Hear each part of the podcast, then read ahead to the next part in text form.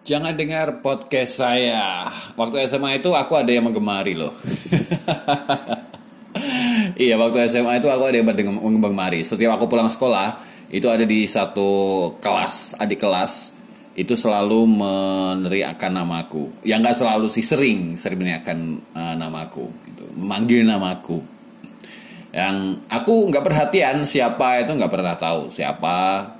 Cuman kalau ketemu di jalan itu kadang ada yang tahu kan kalau anak SMA dulu malu-malu kayak gitu. ada aja. Nah, itu itu zaman SMA, zaman kuliah ada juga, tapi aku nggak nggak perhatian, cuek. Zaman kerja jadi seorang penyiar radio ada.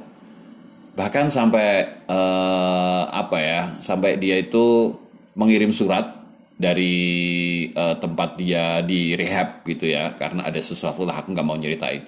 Uh, di rehab gitu dia kirim surat sampaian ke rumahku itu menceritakan tentang dia ngapain aja di sana terus dia uh, apa uh, suka dengan aku kayak gitu. Dan aku nggak tahu dia orangnya tuh yang mana itu aku nggak pernah tahu.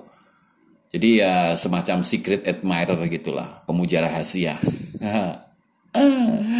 Ya aku mau balas suratnya pun juga dia nggak nulis alamatnya terus beberapa tahun kemudian baru aku tahu identitas dia. Baru aku tahu identitas dia setelah setelah ada tetanggaku yang bercerita tentang uh, si dia yang katanya uh, menggemariku sampai sampai di waktu itu itu. Dan sudah cukup lama juga itu berarti sudah 10 tahun lebih. Ya, 10 tahunan lah kalau tidak salah.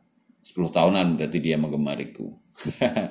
Dan aku gak pernah tahu. Ya siapa pun kamu yang menjadi pemuja rahasiaku ya mudah-mudahan selalu sehat. Dan mudah-mudahan juga uh, selalu diberi kesehatan ya. Sehat aja lah. Yang penting sehat sehat itu penting ya. Oke. Demikian podcast saya. Ingat jangan dengar podcast saya saya pamit ya. Selamat malam. Selamat beristirahat. Assalamualaikum